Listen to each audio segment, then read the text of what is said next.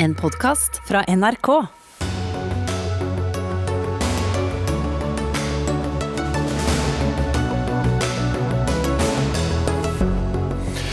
Den nye næringsministeren sier han vurderer å starte et nytt statlig hydrogenselskap. Ja vel, det er løsningen på problem vi ikke har, sier Fremskrittspartiet. Og hva skal vi egentlig bruke et statlig hydrogenselskap til? Mange LAR-pasienter føler seg både mistrodd og overkontrollert, viser ny brukerundersøkelse. En undersøkelse som bare viser deler av sannheten, kontrer forsker.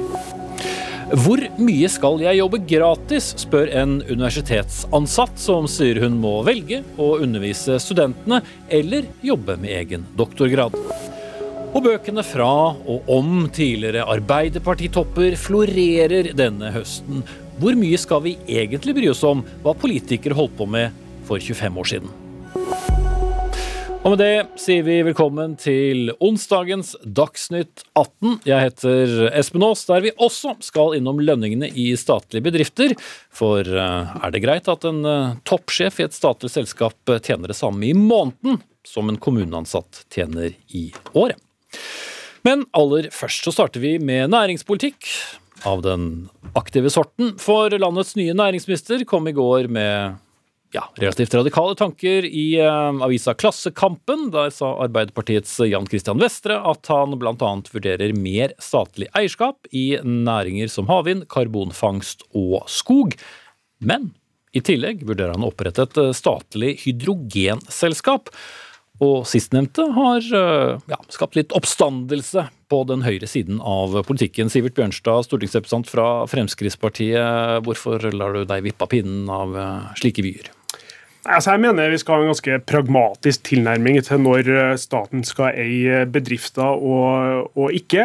Eh, og så mener jeg at eh, vi også skal være pragmatiske til når staten kan bidra på andre måter og være en katalysator for å utløse privat kapital.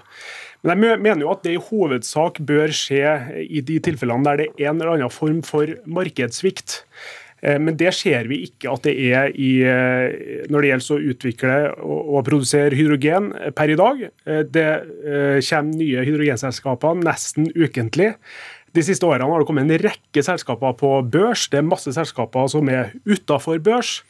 Og så er det litt sånn signaleffekten ved å si at ja, nå skal vi løse alt bare ved å opprette eh, et statlig selskap. Så er det sånn ja vel, takk for reisen eh, så langt. Eh, herfra tar staten over. Og Sånn syns jeg vi skal holde på. Når det er et velfungerende marked, så må, det få lov til å fungere. Og så skal staten stille opp på virkemiddelsida ved å legge til rette for forskning og utvikling, infrastruktur, alt det her. Men å eie et selskap i seg sjøl løser ingenting. Mm. Ok, Så det er et velfungerende hydrogenmarked i dag, og det å opprette et statlig eh, hydrogenselskap vil da ødelegge dette markedet. Det er ditt resonnement? Ja, vi så jo det Da næringsministeren var ute med det her, så gikk jo hydrogenselskapene på børsen ned 7-8% med en eneste gang. Og Jeg mener jo at det er bra at uh, private investorer tar risiko med sin egen uh, kapital, at man investerer i det som kan bli uh, veldig bra. Men det er også forbundet stor risiko med den type hydrogenprosjekter, som gjør at man kan tape alt. Og Det er ikke en risiko som jeg er villig til å ta med skattebetalerne sine penger. Da er det mye bedre at private investorer gjør det.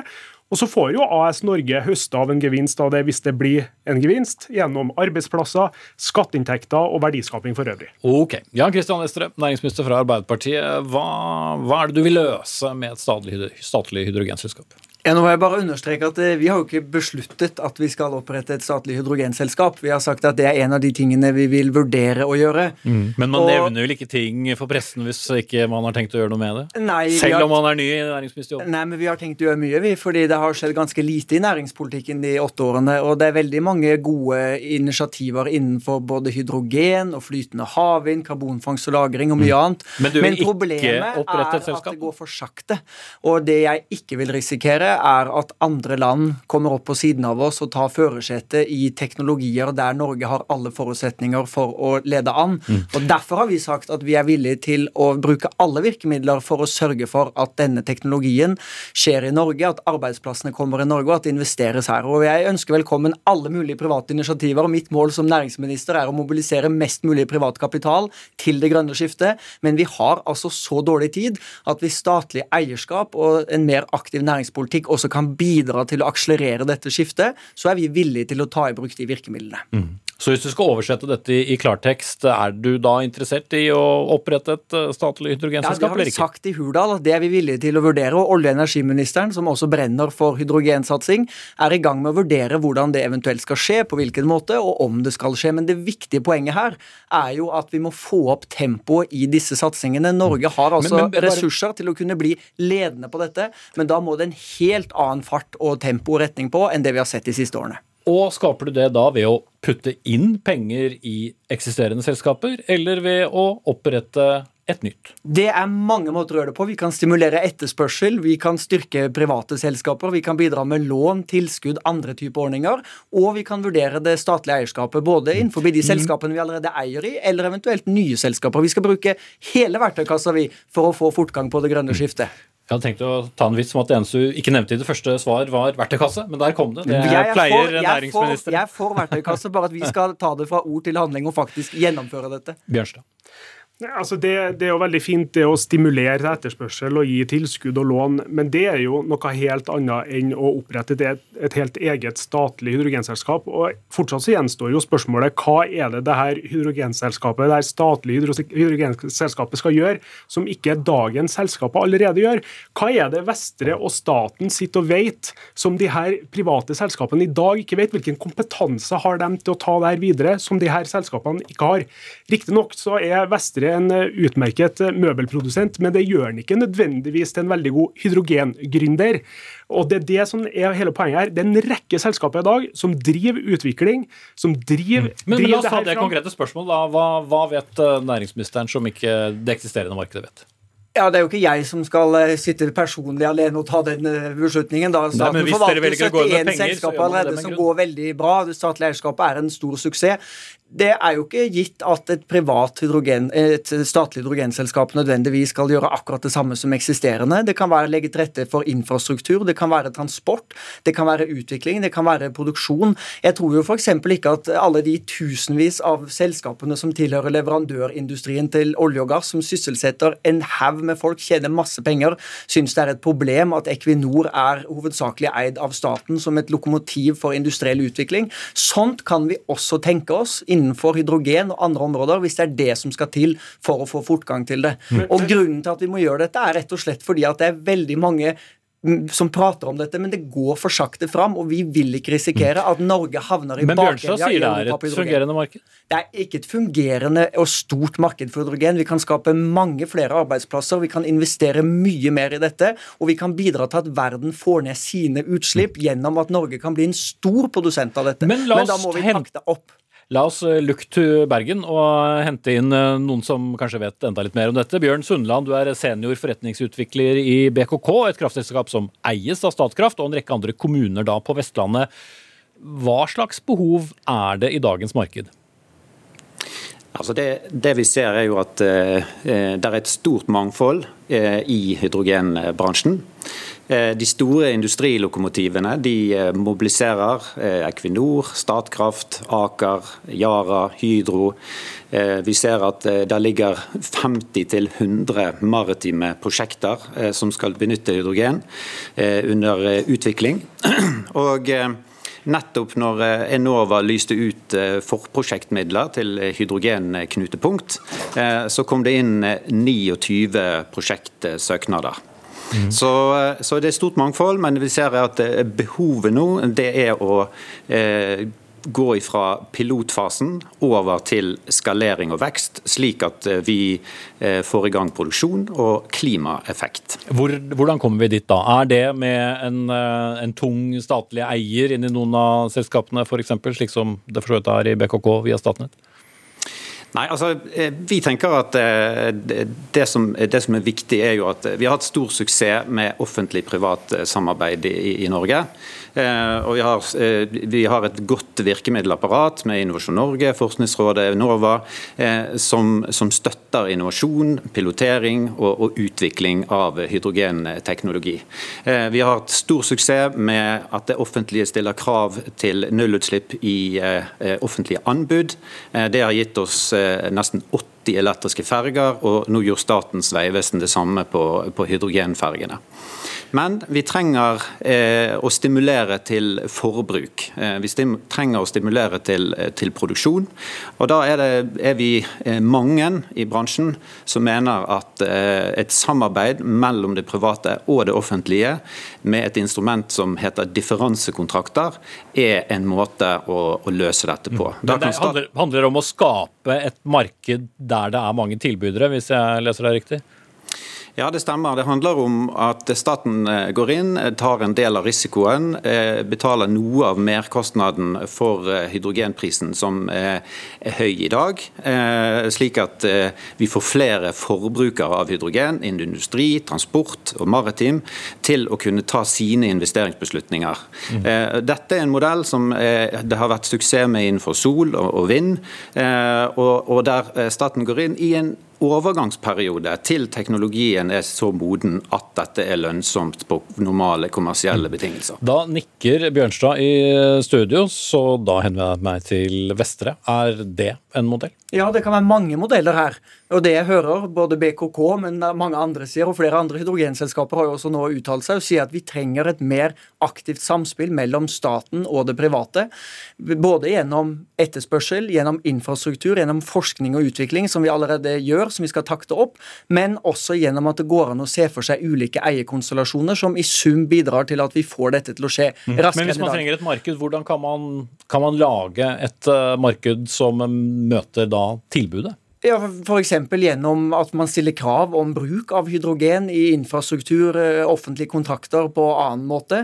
Men jeg mener vi kan bidra med mye mer for å få dette til. og Det er derfor vi sier at vi har ikke ideologiske skylapper i næringspolitikken og sier at vi for guds lov ikke skal tenke statlig eierskap. Vi har hatt stor suksess med heleide og statlige eide selskaper før, som har bidratt som industrielle lokomotiver. og Hvis det kan hjelpe til for å få dette til å gå fortere, så er vi villige til å vurdere det. Men det skal selvfølgelig ikke fortrenge privat skaperkraft og privat kapital, og det gjør det heller ikke. Det blir liksom å ta debatten ned på et litt rart nivå, fordi at det er ikke sånn det fungerer i dag. og Vi må også se på hva landene rundt oss gjør. Tyskland alene investerer 80-100 milliarder statlige kroner i året for å bygge opp hydrogensatsing oljesatsingen sin. Vi har noen muligheter i Norge som ingen andre har. Lykkes vi med å bruke naturgassen vår og rense den med karbonfangst og -lagring, kan vi produsere blått hydrogen, eksportere til hele Europa, få ned utslippene i Europa. Men da må vi tenke stort, da må vi være visjonære, da må vi gjøre sånn som vi gjorde da vi skapte oljealderen, og da må vi ta i bruk verktøykassa, og det tenker vi å gjøre. Du skal få lov til å gå og trekke pusten nå, etter den lange setningen, og så skal du få komme tilbake litt senere i sendingen. Uh, Jan Christian Vestre, næringsminister fra Arbeiderpartiet, takk til Sivert Bjørnstad fra Fremskrittspartiet også, og Bjørn Sundland, seniorrådgiver i BKK.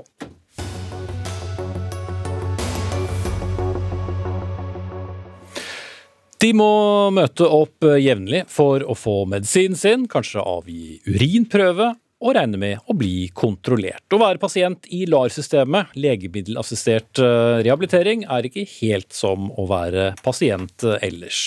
I LAR får som kjent mennesker som er avhengig av heroin, morfin og lignende behandling med substitutter, opiodholdige, opiodholdige eh, legemidler, men ikke alle føler seg like sett og møtt, viser en ny brukerundersøkelse som dere har gjennomført. Ida Kristine Olsen, du er fagansvarlig i brukerorganisasjonen ProLarNett. Hvorfor trengte dere å lage en brukerundersøkelse? Vi gjennomførte en brukerundersøkelse i 2014. Og det eh, kommer også en statusrapport som Seraf med Thomas Clausen eh, kommer med en gang i året. Eh, men vi opplever at brukerstemmene og de erfaringene vi og henvendelsene vi får, kommer ikke godt nok frem i debatten. Så, så det er en brukerundersøkelse som eksisterer, men som ikke ivaretar brukerne godt nok? Ja, den blir eh, det er en statusoppsummering hvor ofte behandler spør pasienten, eller behandler svarer på vegne av pasienten. Mm. Og vi ønska en bruker-til-bruker-undersøkelse, gjennomførte det i 2014, og ønska en oppfølging av det nå, og har gjennomført det nå i 2021. Hva viser da uh, undersøkelsen?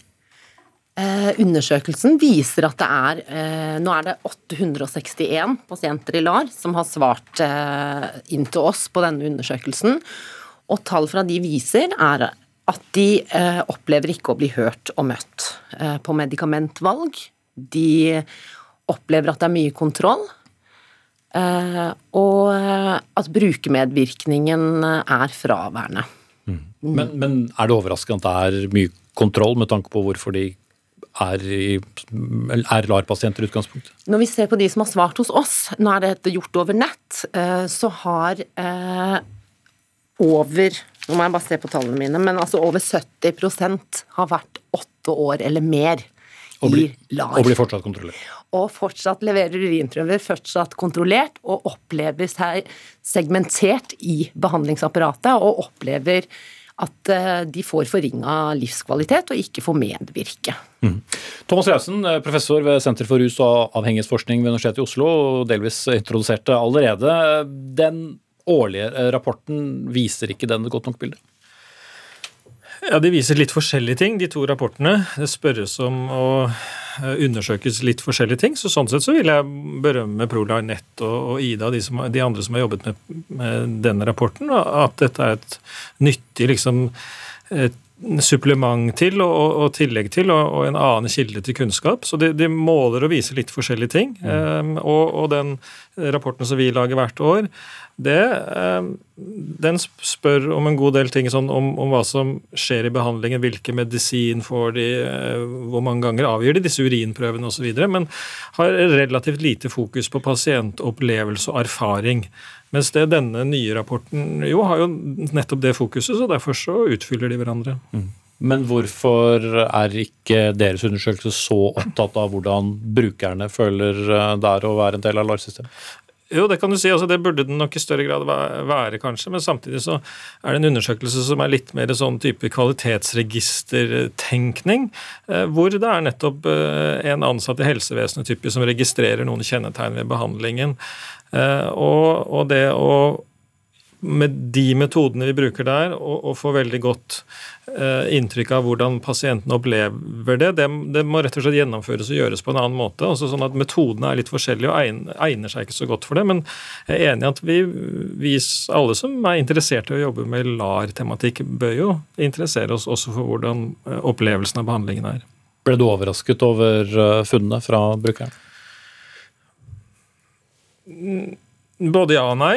Men um, når jeg hører Ida presentere, og også andre presentere, så er det litt andre funn enn det vi har funnet, ja. Og, og vi har ett spørsmål som ligner litt eh, på det som eh, er gjort i en undersøkelse om hvordan man vurderer sin egen behandling. og Det vi da finner i denne rapporten vi presenterer, der er nok funn og på en måte hovedbildet litt annerledes. Hvor majoriteten rapporterer en fornøydhet som er i størrelsesorden kanskje 60% av alle de 8000 LAR-pasientene som er i dag. Men det betyr jo også på den annen side at da er det 40% som ikke sier at de er eh, fornøyde. Og, og, og, som du vel sa innledningsvis, så er det også noen her som da svarer mer på vegne av pasientene enn en pasientene selv.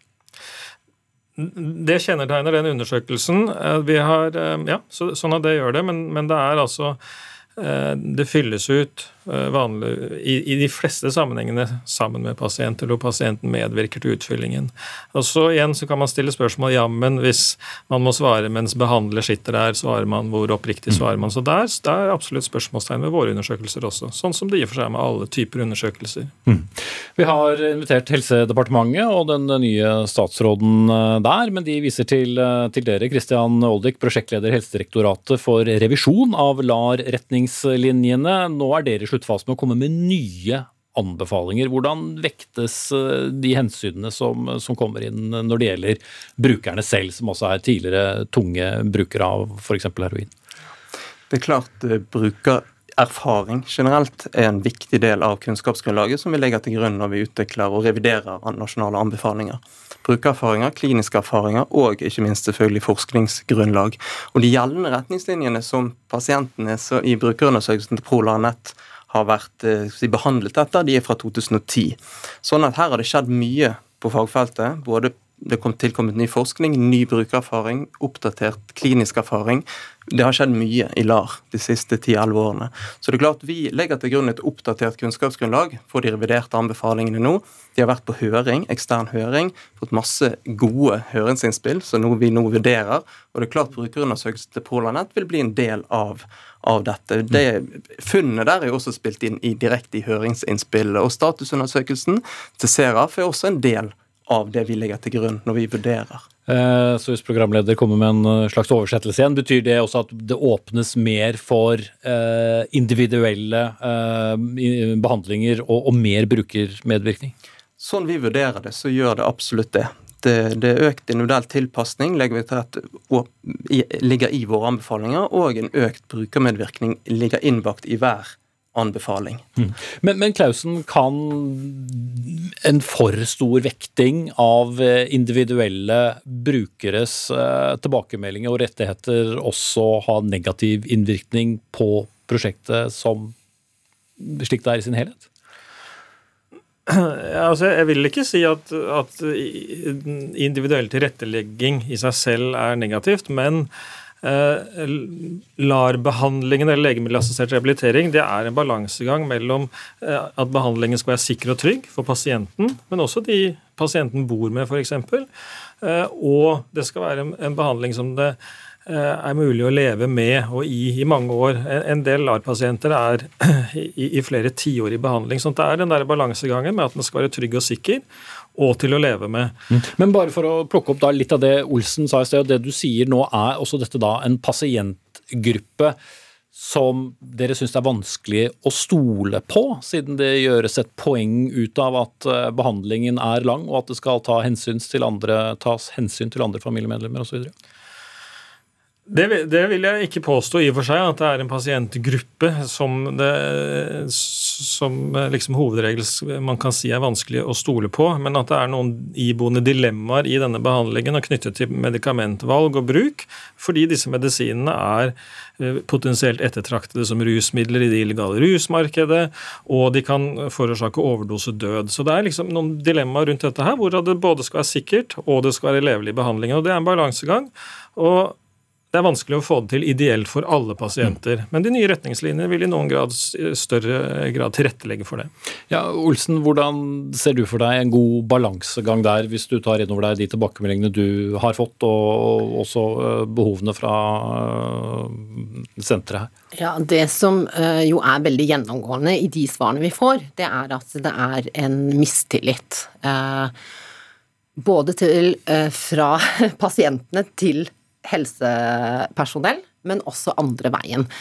Og eh, hvis vi snakker om dette som en sånn eh, at det må eh, at det er ikke noe mindre tillit til denne pasientgruppa, så hadde vi jo ikke trengt urinprøver og alle disse kontrolltiltakene. Så det føler jeg kanskje faller på sin egen urimelighet, for da kunne vi bare tatt bort det.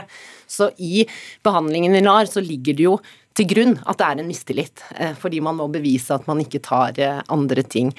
Eh, og det å ta hensyn til familiemedlemmer inngår ikke i valg av medikament og en del av den individuelle tilpasningen som gjøres.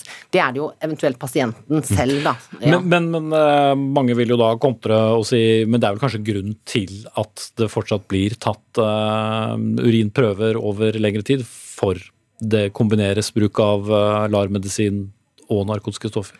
Ja, men det er ingenting som tilsier at bruk av urin prøver begrenser det. Altså det er jo mennesker som bruker andre rusmidler eh, selv om de er i LAR, og de fortsetter med det selv om de tar urinprøver. Eh, og eh, det gjør det vanskelig for folk, for det, man kan ikke være ærlig, og man kan ikke si ting sånn som det er. Og det er også et hinder for at man får en helhetlig helsehjelp. Og det gjør også til at folk som trenger hjelp for angst og eh, smertelindring og andre ting, får ikke det. Fordi at det hele tiden er dette kontrollbehovet, og hele, tiden er det at man skal ha den forsvarligheten som gjør at folk ikke kan, være ærlige, og som gjør at ikke det blir forsvarlig, for folk går på det illegale markedet i stedet. Vi får se på de nye retningslinjene når eh, de kommer. Takk skal du ha, Ida Kristine Olsen, fagansvarlig i brukerorganisasjonen ProLarNet.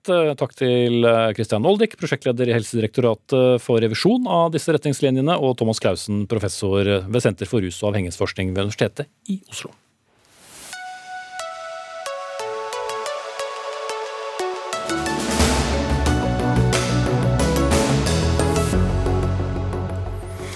Gratis jobbing og rovdrift av ansatte er neste tema. Hvor da? I akademia og ved vårt eldste universitet. For slik beskriver en stipendiat forholdene, og jeg siterer i sum har vi å gjøre med en stor statlig aktør som driver rovdrift på sine ansatte med tidsregimer det er umulig å leve opp til. Sitat slutt. Og du som eh, har skrevet dette, er deg Hanna Hanna Løkekjo, stipendiat ved Universitetet i Oslo. Og dette skrev du et debattinnlegg i, i Klassekampen, og senere et intervju med avisen Krono. Og spørsmålet ditt er eh, hvor mye skal jeg jobbe gratis? Er det mye? Ja, det er til dels ganske mye. Det er jo sånn at en Doktorgrad består av eh, fire år midlertidig, hvor 25 eh, eh, Hvor det er ansatt midlertidig. Ja. Hvor er ansatt midlertidig. Så, og 25% av tiden min skal jeg bruke på undervisning. Og resten skal jeg bruke på forskning. Altså, på mm, altså under, undervisning av studenter. Av studenter. Og altså noen administrative oppgaver, selvfølgelig. Eh, og så er det jo sånn i universitetssektoren at vi ikke fører den tiden vi faktisk bruker på undervisningsoppgaver, men vi har en fast sum som vi får for ulike oppgaver. F.eks. hvis jeg skal forberede et eh, seminar, så får jeg tre og en halv time for å forberede én seminartime. Eh, det man oppdager ganske raskt, er at det er en ganske stor forskjell mellom disse summene og den virkeligheten som man står i. Og til dels så er det snakk om veldig veldig store forskjeller. Eh, og dette er jo ulikt eh, på ulike oppgaver, selvfølgelig. Men i noen tilfeller er det snakk om tre og fire og fem ganger så mye arbeid. Og mm. det får man ikke kompensert. Nei, og som du Da skriver, så da må du foreta noen valg eh, med om, om du skal undervise eller jobbe med egen doktorgrad. og Hvordan velger du? Ja, jeg velger jo eh, at det ikke skal gå utover studentene mine. Så jeg har ikke lyst til å komme uforberedt til eh, undervisningen min. Eh, jeg har heller ikke lyst til å slutte å sensurere når tiden har gått ut, fordi de fortjener at jeg leser det nøye og gir en rettferdig karakter. Og jeg har heller ikke lyst til å la det gå utover forskningen og egentlig i realiteten økonomien, fordi jeg slutter å få betalt om fire år. Så hvis jeg ikke skal la det gå utover disse to tingene, så må jeg jobbe gratis mm. på siden. Anne Julie Sem, du er dekan ved Samfunnsvitenskapelig institutt ved Universitetet i, i Oslo. Eh, skal det være sånn? Det systemet som Hanna beskriver her, det er det vi kaller for timeregnskapet. Og Timeregnskapet det er et system for fordeling av undervisningsrelaterte oppgaver mellom våre ansatte. Hver undervisningsoppgave har en bestemt uttelling i dette timeregnskapet. Og så kan det være slik at eh, den enkeltes arbeidsinnsats med én bestemt arbeidsoppgave kan være forskjellig fra den uttellingen man får innenfor dette systemet. Men i snitt og over tid så skal det være en slik at den arbeidsinnsatsen man legger inn, tilsvarer de timene man får ut av timeregnskapet. Mm. Høres ikke helt sånn ut ut fra Kjos beskrivelse? Nei, og jeg skjønner veldig godt, fordi at dette kan nok oppleves som ganske overveldende første gang eh, man, eh, man står overfor en konkret arbeidsoppgave. Og det vil typisk sett være tilfellet eh, når man gjør noe for aller første gang. Så, det blir bedre med tiden? er det det, det du sier? Blir bedre med tiden, og systemet er også lagt opp slik at det er over tid at disse satsene skal gi en rimelig fordeling mellom arbeidsinnsats på den ene, tiden, på den ene siden og, og uttelling i timeregnskapet på den andre siden. Ja, da går det bra da, Kjos? Ja, eh, det gjør jo ikke det. Eh, fordi jeg snakker ikke bare på vegne av de midlertidig ansatte, som er ferske, og jeg er helt enig i at vi bruker lengre tid. Eh, så en, et tiltak er jo selvfølgelig å gi stipendiatene mer tid, og det er det sånn at man gjør på noen fakultet, og det ønsker jeg meg selvfølgelig også at vi gjør hos oss. Mm, mer Men, betalt tid? Altså, ja, det er jo det er jo en litt sånn internregulering av stillinger som kanskje er litt sær. da, Så jeg får jo betalt uansett, men jeg får jo ikke kompensasjon, så jeg skylder på en måte universitetet timer som jeg eh, har jobba. Rett og slett, så jeg fører et skyggeregnskap, og de to regnskapene eh, går ikke overens. Men så skal det også sies at det er veldig mange faste ansatte som har akkurat dette samme problemet. Så etter at jeg har skrevet kronikkene mine, så har jeg fått eh, tilbakemelding fra mange også veldig eh, rutinerte professorer som sier at de bruker veldig mye mer tid. Eh, og dette er i fag som de har hatt i mange år, for de har lyst til å gi god undervisning, og det er ikke mulig med de tidene vi har. Men er man ikke da litt uh, selvforskyldt fordi man setter så store krav til det man skal levere både i egen forskning og egen doktorgrad, og også den undervisningen du har tenkt å gi til studenter? Ja, jeg, tenk, jeg, har prøvd å gjøre et tankeeksperiment på hvis vi faktisk brukte den tiden vi har fått, og alle da, alle vitenskapelige ansatte gjorde det, så ville det gått veldig dårlig med mm. undervisningen. Så det er ikke, det er ikke mulig. Mm. Sem. Nei, Vi mener jo at dette systemet er et ganske fleksibelt system. eh, Og at det over tid gir helt rimelig uttelling for de undervisningsoppgavene våre ansatte har. Men tror konkret- dere det, eller har dere gått inn og sett på det? Har dere noen indikasjoner på at eh, det er dere som sånn sett har, eh, har fasiten? Jeg tror at de, de, de satsene som vårt fakultet opererer med, er nok heller i øvre sjikt enn i nedre sjikt av de satsene som ulike fakulteter opererer med. Andre fakulteter har ikke et slikt system for fordeling av undervisningsoppgaver, og, og bruker andre måter å gjøre det på.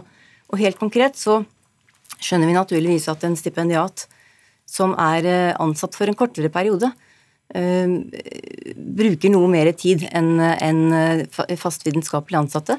Men da er er jo faste ansatte de også- som klaget over det samme. Ja, men, men stipendiater får også ekstra utdeling for nye undervisningsoppgaver. Eh, Og stipendiater som f.eks. tilbringer et år utenlands, får undervisningsfri i inntil to semestre. Mm. Ikke mye å- Det. Ja. Ikke mye støtte å få der, men Jan Morten eh, Loftesnes, du er sentralstyremedlem i, i Utdanningsforbundet og leder for eh, Kontaktforum ved universitets- og høyskoler. og ja, har jo da mye kontakt åpenbart med, med ansatte. Det er uryddige arbeidsforhold ved universiteter og høyskoler, skrev du da i et debattinnlegg for litt siden før Løke kom med sitt eh, innlegg. Så mm, hvordan fungerer det egentlig sett fra et forbunds side, da, som jo også har sin agenda når det gjelder ansatte, selvfølgelig, og sine medlemmer? Ja, det er um, veldig variert hvordan det blir eh, praktisert, det regelverket vi har her i, i Norge i, i forhold til um, eh, arbeidsmiljø, eh, arbeidsmiljø og arbeidsmiljølova og den biten der, og antall timer som vi regner ut som skal være av det arbeidet. Du skal jobbe ca. 422 timer, det er det du skylder. Men hvordan vi regner ut og hva, hvor mye arbeid det er i de 422 timene, er veldig ulikt. Fra institutt til institutt, fra fakultet til fakultet, fra institusjon til institusjon. Eh, Jeg tror ikke at eh, samfunnsfaglig fakultet her er versting i klassen. Det, finnes sikkert veldig mange andre, hvis vi hadde gått inn og sett på hva andre har. Men når vi ser på andre ulike områder, eh, ikke akkurat det der med å regne ut timer på det som skal inneholde 25 her, da, så ser vi at det varierer veldig hvordan dette her er organisert rundt om hver eneste institusjon. institusjon. Men samtidig går det ikke an å regne ut heller hvor mye det skal koste å, å gjøre ferdig f.eks. en doktorgrad. Det avhenger jo også av forskningen som er der, hvordan man jobber med stoffet, hvordan man behandler dataene og Ja, eh, du veit jo at det er 1687 timer per år i fire år, og så skal en levere da eh, 25% Så det er jo en fast kostnad som ligger der. Men det er slik at eh, det, det varierer fra universitet eller, og til høgskole hvor mange timer du får per undervisningstime. For eksempel, hvis du underviser på masternivå på engelsk, så kan du få en faktor på fem. Men hvis du underviser eh, veiledning, så får du bare én time, eh, eller to timer. Og det er klart at eh, da må du ha veldig mange veiledningstimer for å dekke opp eh, 100 timer. Men hvis du da undervis, får undervise et eh, foredrag på, på 20 timer, fordelt på noen ganger, så går det fort unna hvis du regner hver time for fem. Jeg vet ikke hvor mange som klarte å henge med på dette, men Hanna Løkke Kjos, når du velger å ta en doktorgrad og gå inn i akademia, så vil jo mange si at du vet jo litt hva du går til. Og den timelønnen du får kontra en eh, vanlig arbeider, enten innenfor helse eller i eh, industrien, eh, får skiftarbeid, hvor du kan, kan regne ut arbeidsinnsats på en helt annen måte. Ja, det er riktig at jeg er veldig heldig eh, og er veldig fornøyd med min jobb, og også at jeg liker å undervise, så jeg vil jo gjerne drive med undervisning. Eh, Men jeg tenker jo likevel at selv om jeg da eh, er heldig og har en morsom og gøy jobb, så skal jeg få tid til å gjøre arbeidsoppgavene mine. Og det som skjer, er jo at kvaliteten på undervisningen blir dårlig hvis vi faktisk skal bruke de satsene som er gitt. Og måten universitetet går rundt på nå, er at folk har eh, integritet til å ikke gjøre det og legge inn de ekstra timene. Og vi vet jo at i akademia så jobber vi veldig mye. Ok, jeg er sikker på at uh, dekanen ville vært litt uh, uenig nok en gang, men vi tar ikke enda en runde. Takk til Hanna Løke-Kjos, stipendiat ved Universitetet i Oslo, Anne Julie Sem, dekan ved, ved samme universitet, ved Samfunnsvitenskapelig institutt, og, og Jan Morten Loftesnes, leder for Kontaktforum for universitet og høyskole, og sentralstyremedlem i Utdanningsforbundet.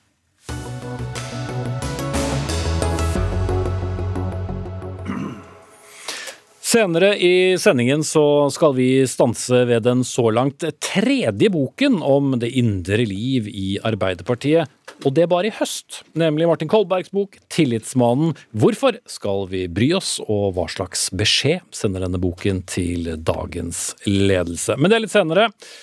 Nå skal det handle om lederlønninger, for i Hurdalsplattformen står det at regjeringen vil citat, føre en lederlønnspolitikk i selskaper med staten som hel eller deleier basert på moderasjon. Bonuser begrenses kraftig og ses på som en del av en leders samlede lønnsavtale. Sitat uh, slutt. Og da er det kanskje litt å ta tak i, da, for bl.a. har Klassekampen eh, nylig fortalt om administrerende direktør i det helstatlige Statkraft, som i fjor tjente 5,6 millioner kroner pluss en bonus på 1 million kroner. Selskapet ligger under Næringsdepartementet, der du er ansvarlig statsråd. Jan Christian Vestre, velkommen inn igjen. Du tjener jo under en firedel av dette selv, men eh, er det greit at en uh, toppsjef i et statlig selskap skal tjene ja, jeg regnet ut at det blir en månedslønn på 550 000 i året, omtrent det en kommunalt ansatt tjener i løpet av et helt år? Det er styret som fastsetter lønna i disse selskapene. og Det er regulert sånn i aksjelovgivningen og hvordan vi styrer selskapene. Det er bredt forankret i Stortinget. Så jeg vil ikke karakterisere enkeltlederes lønninger, men jeg vil understreke at vi er opptatt av moderasjon. Det har vi sagt veldig tydelig fra om i Hurdalsplattformen. Men hvis det bare er opp til styrene, så er det ikke så lett å føre noe med det, da? Jo, men det er det jeg kommer til nå. Vi er i gang med å lage en ny eierskapsmelding. Det var noe av det første jeg satte i gang med som ny næringsminister. Da skal vi gå til Stortinget, og i den så kommer vi til å synliggjøre hvordan vi ønsker å jobbe med moderasjon i styrene. Jeg har også, for å sette i gang raskt, sendt et brev til alle selskaper der staten er hel- eller deleier, hvor vi understreker vårt syn på moderasjon. Jeg har sjekket, det har ikke skjedd før at en ny statsråd, i hvert fall i nyere tid, i Næringsdepartementet har sendt et sånt brev til styrene hvor vi understreker dette. Men jeg må også understreke at vi eier i 71 selskaper. Vi forvalter enorme verdier, oppi 900 milliarder kroner. Dette er fellesskapet, nordmenn sine aksjer, og jeg må gjøre dette på en skikkelig og på en ryddig og på en ordentlig måte, og det tar litt lengre tid enn tre uker. Men vi er også det, utålmodige, og vi skal komme til Stortinget med en eierskapsmelding hvor vi adresserer dette på en skikkelig og på en ordentlig måte. Ok. Torgeir Knag Fylkesnes, nestleder i SV og også stortingsrepresentant. Dere har jo fremmet en, fremmet en rekke forslag om reduksjon av lønn og annen, annen godtgjørelse. Når noen tjener det samme i måneden, 550 000 i måneden, og jobber i et teleid statlig selskap, hva slags signal sender det? Ja, Det er jo veldig uheldige signaler. Du, den utviklinga vi har sett de siste ti åra, eh, har jo vært eksplosiv. Eh, der vanlige folk har hatt eh, ganske moderate lønnsøkninger, mens eh, ledere i, i, staten og statlige selskaper har hatt eksplosiv økning i sine inntekter. Så du har fått en veldig skjevhet der de drar ifra, og det går ut over samholdet. Det går ut over tilliten i befolkninga. Så det å få stoppa det, begynne å redusere Eh, lønningen altså på nye, nytilsatte ledere i staten ekstre, i statlig eide selskaper ekstremt viktig mm. for å gjenopprette Men alle tillit. selskaper har jo, som Vestre helt korrekt sier, eh, hvert sitt styre. Deres jobb er både å finne ut hvem skal lede et uh, selskap, og hva vedkommende skal ha i lønn. Og hvis du vil uh, ha en uh, toppsjef som er flink, ja, så koster det, og sånn, sånn er markedet. Ja, men vi har, vi har retningslinjer som styrer styret sitt arbeid med hva type lønn som skal dannes. Og I dag så har det jo vært sånn at man har forstått moderasjon på en sånn måte at ledere i disse selskapene skulle kunne ha en lønnsøkning som er langt over det befolkningen ellers har. Sånn at det å forstå hva moderasjon er, det har jo ikke disse styrene her eh, forstått, selv om det står klart og tydelig i retningslinja at det skal være en moderasjon. Moderasjon kan jo ikke forstås på annen måte enn det skal være på samme nivå som befolkninga ellers. Altså I tøffe tider så bes folk om å stramme inn, men så har da eh, har valgt å gi sine ledere en voldsom lønnsvekt. Og, og det har ført til en, en, en, lønnsspiral som har jo vidtrekkende konsekvenser. Det presser jo lønninger i andre selskaper. Mm. Det presser opp lønningen for toppsjiktet av ledere. Så det her må vi komme ut av. For dette er jo som Vestre også sier, dette er, dette er folket sine aksjer. Folket krever at de skal ha den samme moderasjonen som det vanlige folk har. Nå har vi da kontaktet eh, styreleder i, eh, i selskapet flere ganger. Toril Vidvei heter hun, men hun har ikke hatt anledning til å møte noen av gangene vi har invitert eh, henne. Men hun skriver i et svar til oss at hun og styret har fulgt Nærings- og fiskeridepartementets retningslinjer. Er det da gode retningslinjer som ditt departement har når det gjelder fastsettelse av lønn, Vestre? Ja, det er jo da retningslinjer som er eh, laget under forrige regjering, men eh, en eierskapspolitikk som er forankret i Stortinget. Og det er ikke sikkert at de retningslinjene er eh, gode nok. Derfor så har jeg som sagt sendt et brev også til Toril Vidvei, hvor jeg understreker regjeringens syn på moderasjon, og at dette er en av de tingene vi vil følge ekstra nøye med på i tiden framover. Det er også noe vi vil følge ekstra nøye med på når vi nå går i gang med en ny eierskapsmelding, der vi da signaliserer hvilke forventninger vi har til de statseide selskapene. Mm. Men det er ikke snakk om å sette folk ned i lønn? Jeg er jo enig i flere av eh, poengene fra SV, og jeg synes jo ikke det er heldig hvis ledere i statseide selskaper f.eks. har høyere lønnsvekst enn resten av befolkningen når vi ber om moderasjon. Da synes jeg ikke styrene lytter til signalene fra en viktig eier. og Det er en av de tingene vi vil se på. Vi har også andre virkemidler. Vi deltar i generalforsamling hvor lønn gjerne diskuteres. Vi er med på styrevalg, og vi har også andre måter der vi kan gi signaler til men det, styrene. Det nevnes jo veldig ofte, men uh, har historien vist at det har blitt tatt uh, spesielt store grep i, i selskaper der staten uh, har vært eier? Nå har det vært et annet politisk flertall i åtte år. Mm. Vi har sittet i Dere stolen hadde Næringsdepartementet i åtte årene før det òg? Ja, men nå sammenligner vi med de foregående årene. Og vi har sittet i stolen i tre uker. Jeg kan fortelle om det vi har satt i gang med. Jeg kommer veldig gjerne tilbake senere og fortelle mer om det vi gjør, men vi trenger også litt tid på å gjøre dette på en skikkelig og grundig måte. For jeg vil igjen understreke at det er ikke noen quick fix på dette. Og vi har et veldig stort ansvar for hvordan vi forvalter disse selskapene på en god måte. Det handler faktisk om eierskapet som tilhører hele det norske folk. Mm. Og da vil jeg heller bruke litt mer tid på å finne ut hvordan vi skal gjøre det på en riktig måte, og gjøre det som er riktig for selskapene og for fellesskapet i Norge, enn å komme med noen raske programerklæringer, og så viser det seg kanskje at det ikke er riktige tiltak vi gjør. Men uh, Fylkesnes, det samme selskapet jeg må jo si for skams skyld, ga jo også bonus til alle ansatte. Er det da greit at også de på toppen får en uh, god bonus for uh, god innsats gjennom et år? Ja, altså Det at ansatte får bonus, det, det er isolert sett eh, helt topp. det, At man får ta en del av overskudd som skapes av eh, virksomhet. Men det som er problemet her, er at du får jo sånn kolossal skille mellom, eh, mellom de som jobber på gulvet, og de som er, utgjør ledelse. Og at det skillet bare øker og øker. Og da begynner vi å komme inn i et sjikt og en, en, samfunnsutvikling som er negativ, som er ødeleggende for spesielt det norske samfunnet. Men, men kan man snu det? Kun kan en næringsminister uh, instruere og si at uh, Altså i hvilket som helst selskap, tenker ikke på dette spesielt, og si at uh, vet du hva, du får ta et solid lønnskutt, for nå, nå har dette gått for langt? Altså Alle større konsern i det private har jo, en, har jo en lønnspolitikk. Men det å ta fra folk lønn, det er jo klart at det kan man ikke gjøre. Men man kan legge en ny lønnspolitikk i staten som er mer i tråd med de idealene vi har i Norge. Der vi bygger tillit, vi bygger samhold ved at det skal være små forskjeller i, i lønn mellom høy og lav. Og Det står vi helt fritt til å gjøre her i, i Norge. Og det som er bra, det er jo at vi har funnet sammen, Arbeiderpartiet, Senterpartiet og SV, før når vi behandla eierskapsmeldinga sist gang. For der uh, var vi enig i at det skal ikke være en høyere lønnsutvikling for ledere og folk flest. og det tenker jeg er et bra utgangspunkt når retningslinjen skal strammes til. og jo før, jo heller. Mm. Skal vi se på den når du kommer med den opp av verktøykassen. Jan Christian Vestre, næringsminister fra Arbeiderpartiet. Og takk også til Torgeir Knag Fylkesnes, nestleder i SV og stortingsrepresentant.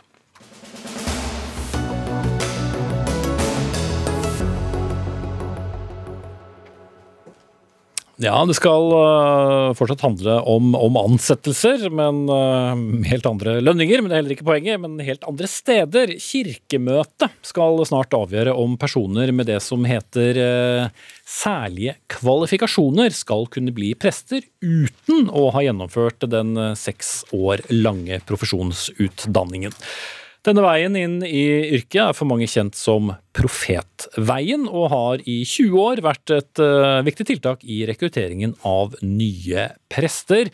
Men ikke uten at det stilles spørsmål ved det, som det har blitt gjort gjennom avisen Vårt Land. Hallgeir Elstad, professor ved Teologisk fakultet på Universitetet i Oslo, også ordinært prest selv. Du er ikke så begeistret for dette, og sier at denne ordningen uthuler både profesjonen og teologiutdanningen. På hvilken måte?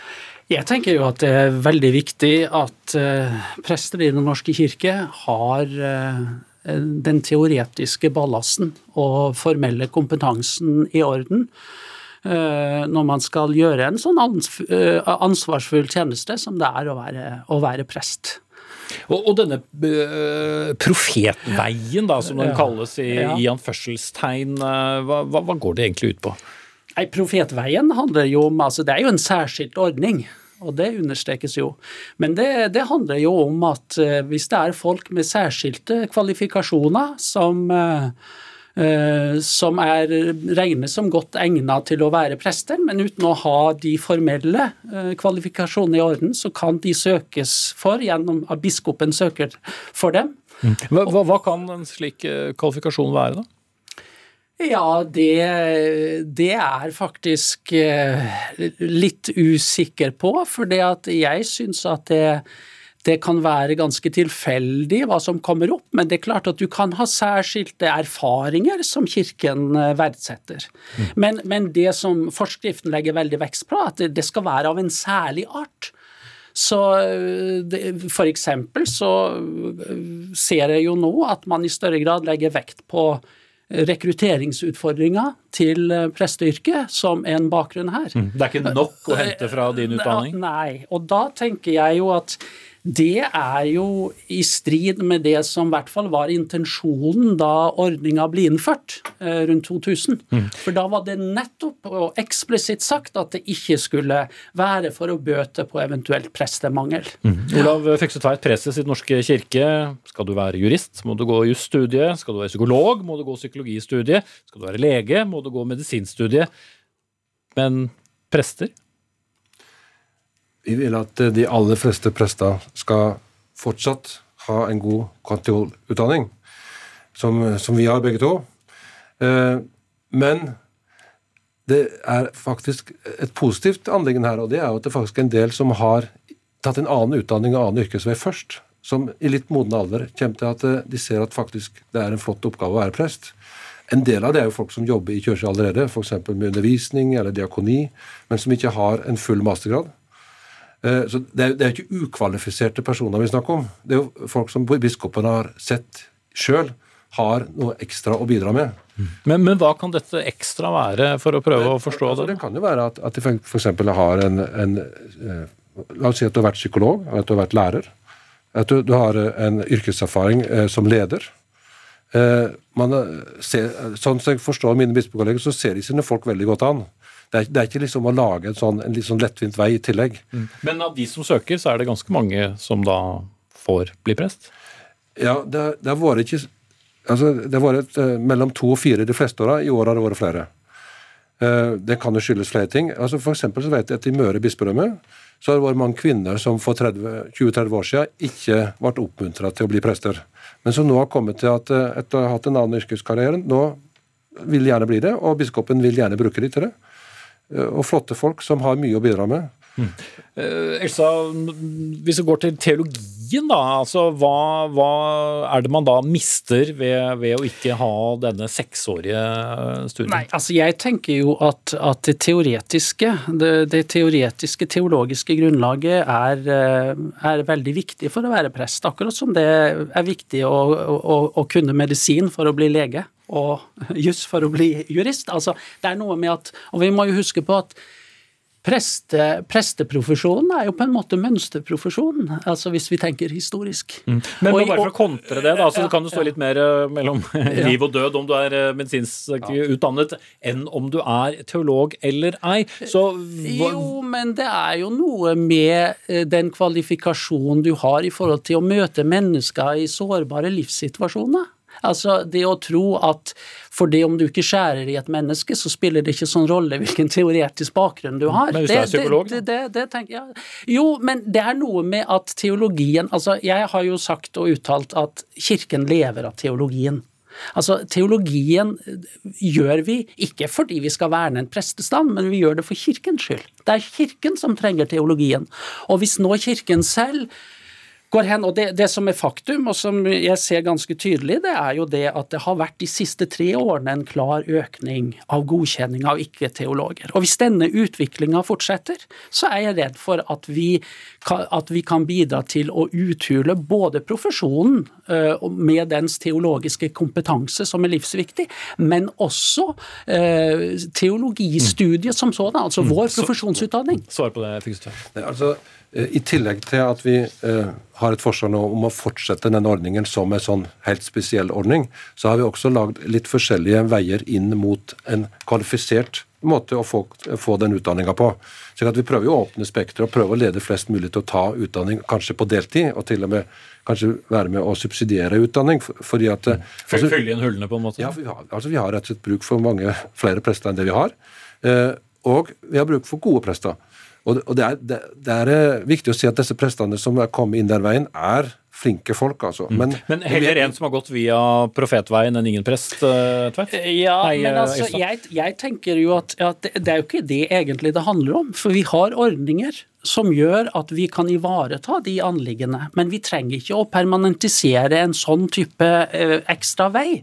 Vi, vi, vi, så vi har muligheter. og I utdanningsinstitusjoner diskuterer svært gjerne større grad av fleksibilitet for en ordinær utdanning. Men ett punkt Nei, Jeg må stoppe deg her, dessverre, jeg ser på, på klokken. Men eh, ta det gjerne med dere på, på veien eh, ut. Hallgeir Elstad, professor ved Teologisk fakultet, og Olaf Hykse Tveit, preses i Den norske kirke.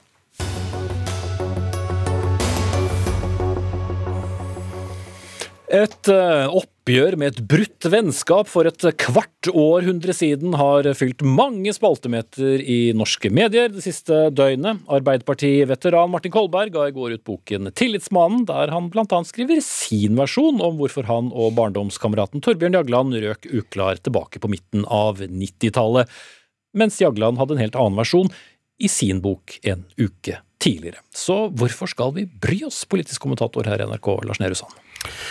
Ja, Det er jo en egen sjanger, nærmest, disse, disse bøkene her, men, eh, memoarene. Men, men det er jo Martin Kolberg er en av de mest sentrale skikkelsene i Norges aller største parti eh, gjennom flere årtier, og har vært til stede i de viktige, vært en del av de viktigste eh, politiske dramaene, inklusive de som da har rammet han selv, eh, sånn som dette, som var bruddet med hans eh, nære oppvekstvenn og, og forlover, eh, Torbjørn Jagland, som de har jo aldri klart å, å bli enige verken om hva som skjedde, eller om det er mulig å gå videre.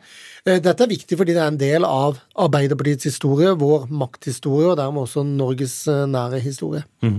Marie Simonsen, kommentator i Dagbladet, vi skal se litt fremover her. og for I din omtale av boken så henter du frem eh, historien som nå ligger noen år tilbake i tid, men ikke så mange, der Kolberg da ble degradert fra å være leder av kontroll- og konstitusjonskomiteen til menig medlem av forsvars- og utenrikskomiteen, hvor han da ikke var så fornøyd med å havne, bl.a. fordi han ikke snakker særlig mye engelsk.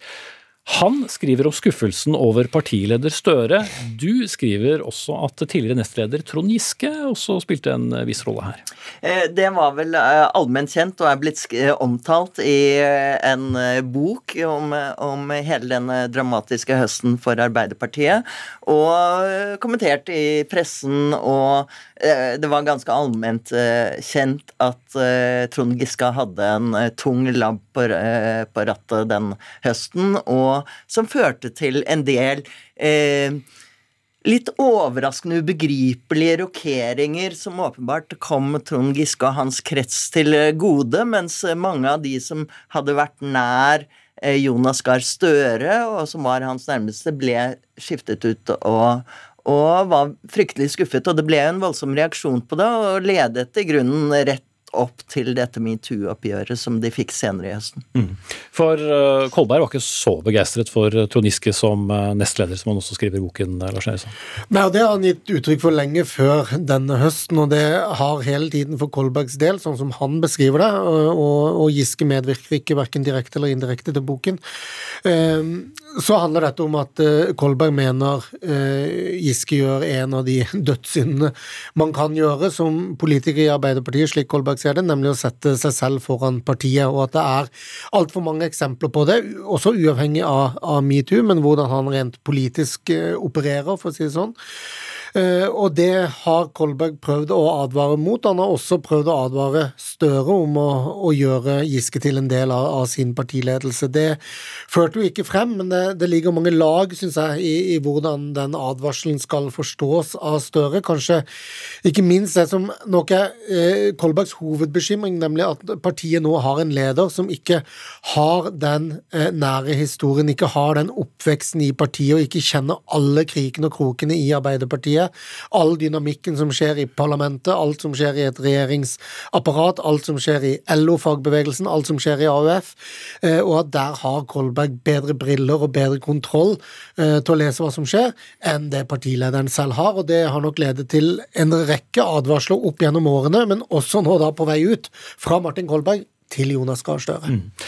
Ja, for Barry Simonsen Kolberg har jo da fortalt jo på pressekonferanse i går hvordan han som 15-åring satt på bussen ned på, for, for, å jobbe i industrien osv. Etter hvert jobbet seg da inn i Arbeiderpartiet og vært der i, i, i mange tiår. Men hva slags tro og begeistring har han egentlig på den nye statsministeren, ut fra det som uh, Lars Nehru Sand uh, sier nå? Han har fortsatt en kullsvir på partiet sitt. Han mener at de nå har nærmest hørt på ham og snudd seg, dreid seg litt til venstre. Han mente kom med hard kritikk da de var i opposisjon for at de inngikk for mange eh, kompromisser med de borgerlige, den borgerlige regjeringen. Og det var jo en kritikk som ikke bare kom fra Kolberg, men mange andre steder, og som Jonas Gahr Støre eh, vendte døve ører til. Men som han nå snudde i valgkampen, så har det blitt forklaringen på at Arbeiderpartiet igjen, eh, igjen reise seg. Og sånn fremstår den historien eh, som blir fortalt om Kolberg, er jo ført i pennen av Hege Ulstein, eh, som, som, eh, som, veldig interessant, for den nettopp ser Arbeiderpartiets utvikling over eh, mange tiår, og hvordan eh, Martin Kolberg på mange måter liker å fremstå som et slags sånn sosialdemokratisk kompass som hele tiden vil trekke partiet tilbake til utgangspunktet.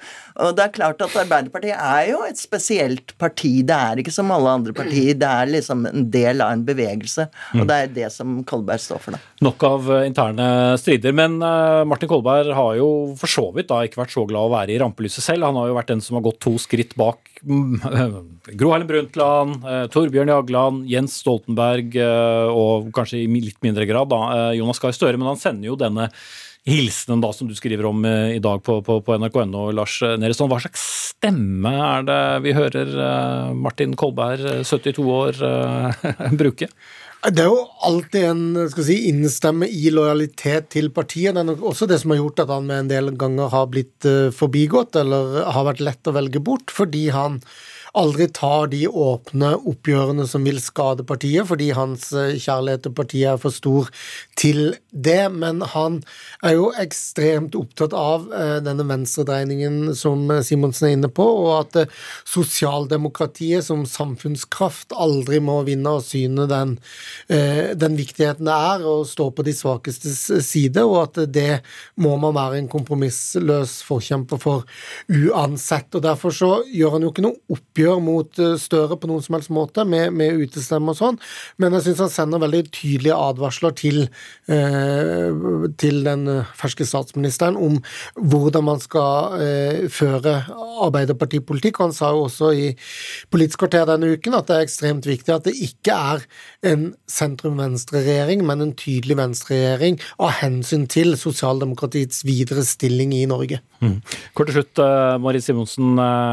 Trenger vi flere bøker om Arbeiderpartiets eh, indre liv nå etter å ha fått tre høst? Vi trenger disse bøkene, og vi journalister uh, elsker de, men, uh, men, men, det er jo også viktig for historiens del, og jeg tror det er mange der ute som liker å lese disse historiene, for det er også fortellingen om Norge og norsk utvikling. Mm.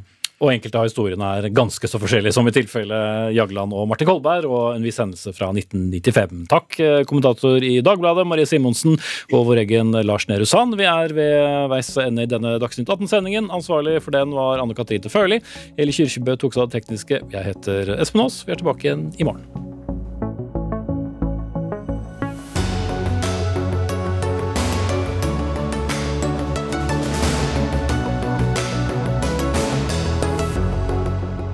Du har hørt en podkast fra NRK.